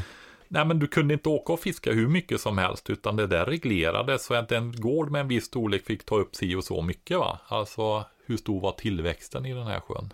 Ja. Den är inte så stor. Så det är inget jättehållbart fiske i någon större mängd när man hör vilka mängder som behövs för att få ihop energin. Däremot var det ju ett jättefint proteintillskott. Såklart. Ja. Det ger lite perspektiv. Jag fiskar ju inte så mycket, men däremot så jagar jag ju mycket. Mm. Eh, och, och, och jag tror att du har nämnt för mig någon gång att det, det, är, liksom, det är samma siffror när det gäller viltkött. Att man måste äta väldigt, väldigt mycket älgkött till exempel för att få ihop de här kalorierna. Mm. Alltså, det är ju bättre. Men det är ju fortfarande så, de som lagar mat vet ju att viltkött, det är en konst att laga viltkött bra, just därför att det är så lite fett i. Fett är ju en smakbärare va? Mm. Alltså, har man grädde i maten så är det ett vinnande koncept va? Ja, grädde och spar. Så är det. Och, och viltkött, det är väldigt magert. Och det innebär att det är mest protein, den här termogenesen, det går åt energi för att bryta ner det dessutom. Och fett innehåller mer än dubbelt så mycket energi per kilo då. Va?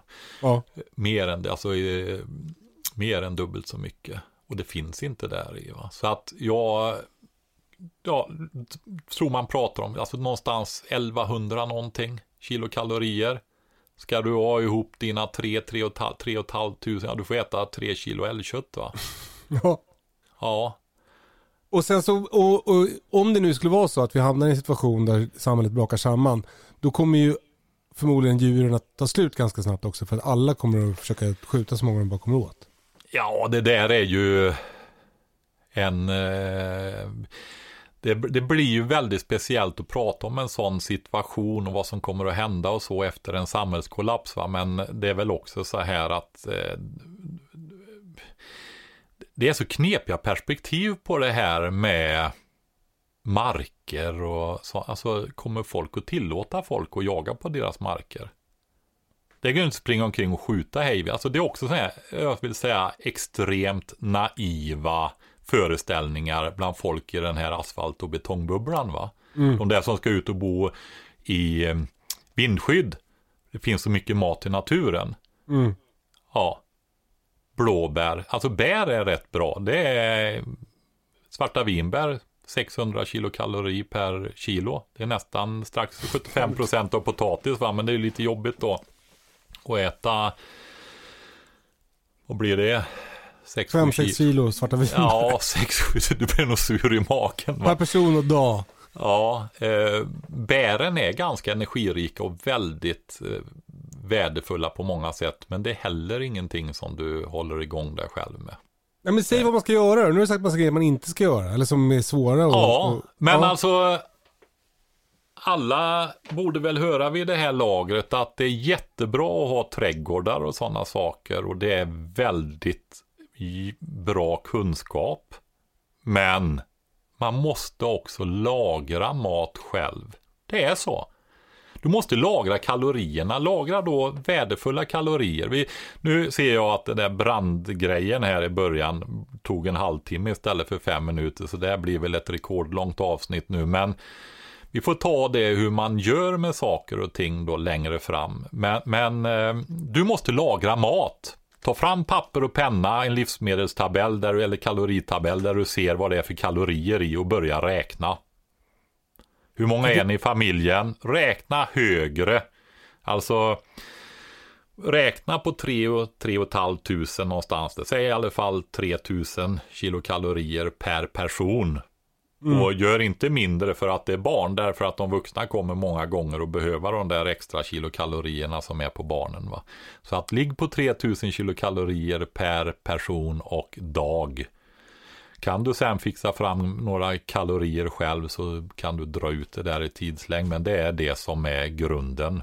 Och i det långa perspektivet så behöver du också se över hur får jag i mig de viktiga vitaminerna och mineralerna och så vidare. Va? Mycket av dem finns faktiskt i de där kaloririka högkvalitetsgrejerna. Va? Ja. En del i, i, i staden då, eh, alltså man vill betala för att lösa en, köpa pryl. Va? Eh, när det gäller mat så säljs det ju sådana här eh, paket med frystorkat. Frystorkat är superbra grejer om man ska bära på det Ja.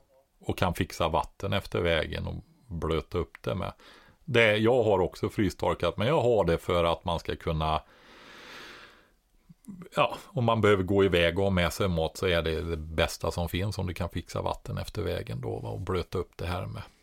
Lätt att tillaga och alltihopa. Många fördelar. Extremt dyrt Ja, att kunna göra det här så att det blir gott och alltihopa det där. Vi har ju företag som är duktiga på det. Eh, Har du eh, Men, frystorkat något själv?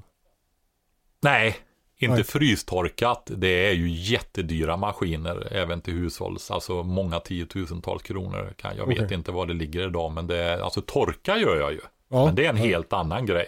Ja. Frystorkningen är en annan process som, ja, den är väldigt bra och jättedyr och tar lång tid och det är därför frystorkad mat är så dyr som den är va. Ja. Alltså det kostar som att gå på restaurang. Ja, det är inga över, ja det är det och det är ju inga överpriser heller utan det är en dyr process och så. Och, eh, Men då, då köper man sådana här hinkar med frystorkad mat då, så står det si och så mycket, många måltider och sådär. När du gör det, titta hur många kalorier det är per måltid. Jag eh, har tittat på det där och i många, många fall vet du, så är det ju dagsintag där och du får vara glad om du kommer upp i 1500.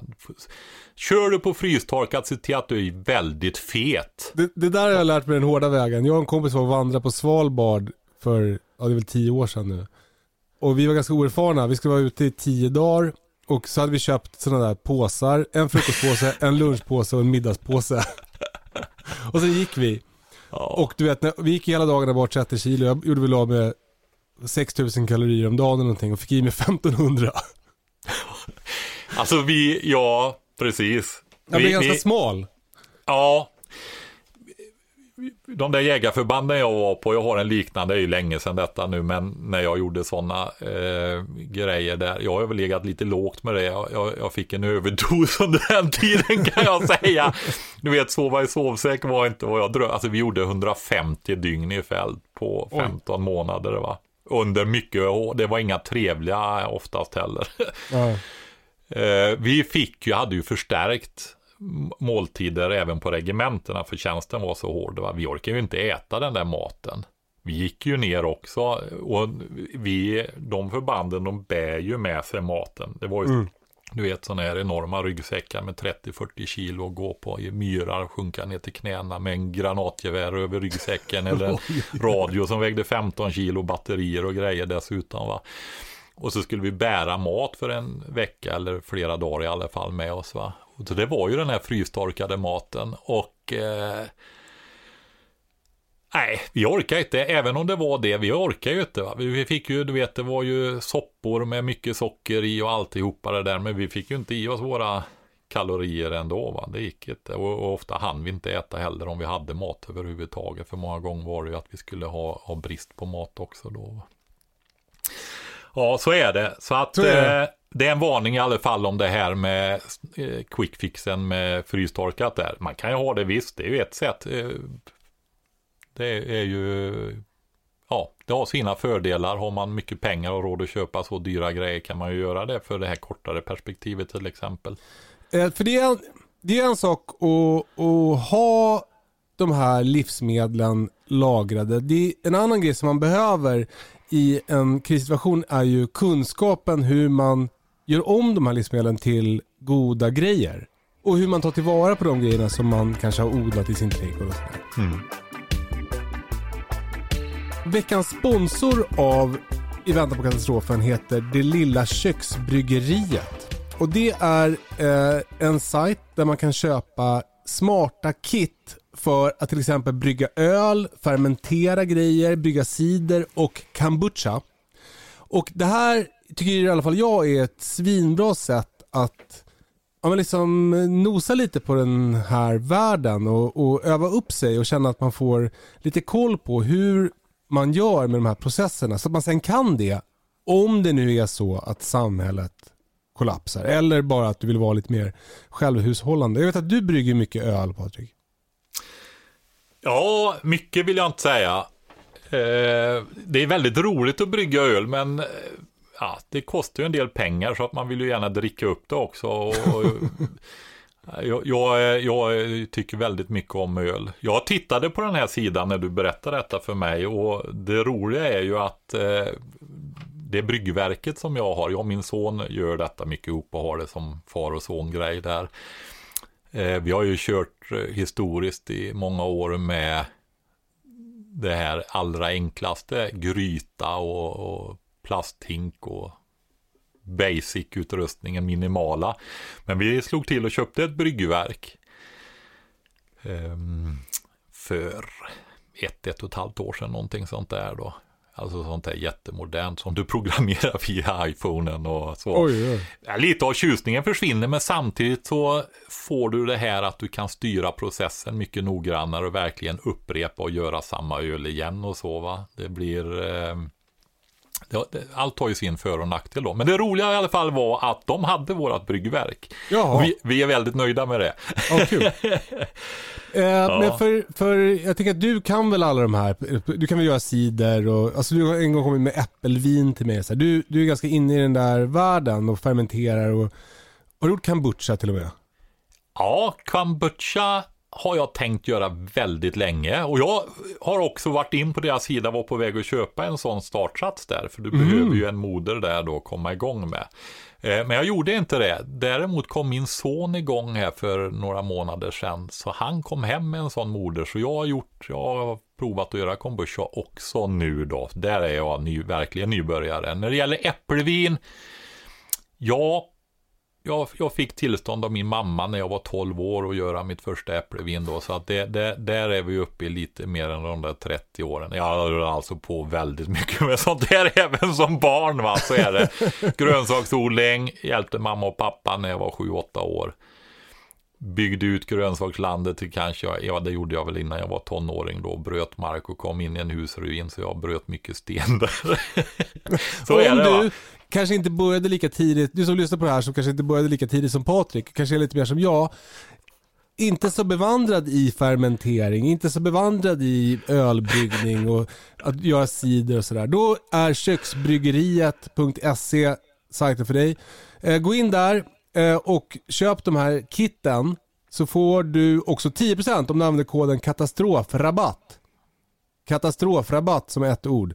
Då får du 10% på köksbryggeriets egna eh, kit och adressen är kocksbryggeriet.se. Mm. Uh, så köksbryggeriet utan prickar. Uh, ja men gör det, för det är uh, svinbra att kunna sådana här grejer. Och det här är ett perfekt sätt att lära sig, eller hur? Absolut. Uh, alltså jag tittar ju på vad, vad det är för kund där. Alltså om du är den här och vill prova på. Det, det är som att, jag tänkte i de här ordalagen själv då. Det är små satser och det är startsatser. Det här handlar ju om fermenteringsprocesser, alltså där vi använder svampceller, bakterier och så vidare för att både konservera och förädla ett livsmedel. Det är ju något jag tycker är jättespännande just med de här processerna, för de gör ofta det nyttjare. Alkohol är ju liksom ett särfall för sig. Det kan man väl diskutera med mängder och, och alltihopa det där. Men det är väldigt spännande och de har Ja, du frågar vad jag tyckte. Jag gick in och tittade. De hade vårat bryggverk och sen en spännande grej är att de har samarbete med många av våra mindre bryggerier. En del börjar bli större nu, men inte minst hittar jag mitt sommarfavoritöl som går och um, köpa där och det är ju Amarillo, Hoppigårds Amarillo. Där blev det reklam, eh, alkoholreklam också, Kalle. Nu får du klippa tror jag. Nej, men eh, det har det, de har det, sådana grejer också, så att man kan faktiskt göra detta. Och jag såg det som, de plockar ihop utrustning, det kostar saker att sätta ihop paket och så vidare. Priset stiger lite, men du får en lätt möjlighet att lära dig en process. Och följer du de välgjorda instruktionerna så får du också en slutprodukt då. Va? Så att det är som att köpa en kurs samtidigt som du får ta med dig någonting hem och du gör det hemma i lugn och ro. Då. Du får den utrustningen du behöver, de råvaror du behöver och så kan du göra det med en bra instruktion. Då. Så att det, det är som en liten kurs det där. Och, och visst är det prepping i sig? Alltså det vi har varit inne och pratat på om det här med mat och så vidare. Att kunna odla mat. Jag sågade ju trädgårdsskötsel på ett sätt där. Ja. Men jag hoppas att det gick fram också hur viktigt detta är. Och bor man i en lägenhet, oj, du vet det blir inte många kalorier i de där en till tre krukorna. Men odla i de där en till tre krukorna i alla fall. Därför du lär dig ju det här och du får jättefina livsmedel som du kan njuta av. Mm. Alltså det här är ju glädje och hitta glädje i att lära sig eh, sådana här saker och att odla och kunna producera bra livsmedel är ju guld värt va. Ja. Alltså stryk några Netflix-serier och lär dig och gör roliga saker. Hitta glädjen, nyfikenheten i att lära sig och upptäcka saker. Och ni har ju själva. Gå in på kocksbryggeriet.se och köp köksbryggeriets egna kit. 10% rabatt om ni använder koden katastrofrabatt som ett ord. Tack Köksbryggeriet som sponsrar den här podden. Kul! Eh, du Patrik? Ja? Vi hade väl som plan att vi skulle prata ganska mycket om så här hur man förvarar de här eh, lagren av pasta och sånt där idag. Men, men vi hann inte det. Vi får prata om det en annan gång.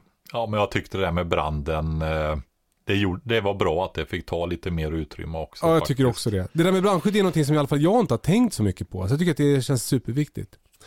Uh, ja, uh, skaffa brandvarnare och brandsläckare, lär er hur de fungerar.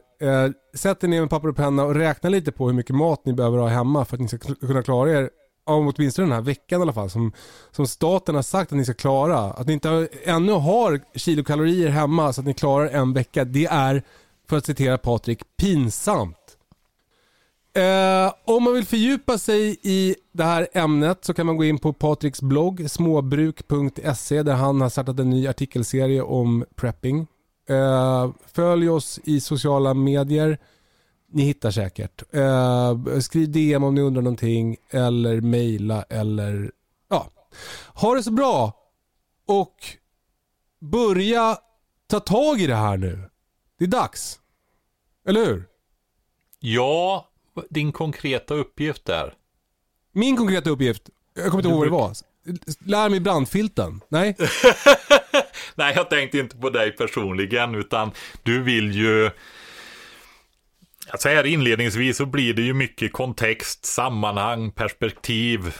Vad är det vi pratar om egentligen? va? Eh, ja. Och de, många människor vill ju ha, alltså, gör si, gör så. Och... Eh, Ja men nu, här kommer en sån för mig. Ja. Här kommer en utmaning. Eh, antingen fiska 80 kilo gädda. eller när du går till affären nästa gång och köper pasta. Köp inte ett paket utan köp fem paket. Stoppa fyra i garderoben. Och så gör det varje gång du ska handla så har du snart ett lager av pasta. Det är skitsmart. Och om du då är hemma och bakis och hungrig och inte vet och pastan är slut. Då kan du gå till garderoben och ta ett paket så slipper du gå och handla. Jävligt smart. Det var allt va Patrik? Ja, finns ju annan mat än pasta. Jag, när jag är hos dig Kalle så ser jag ju att du är ju en riktig kock alltså. det får vi prata mer om en annan gång. Tack för att ni lyssnar. Ha det så bra. Puss och kram. Hej då! Hej då!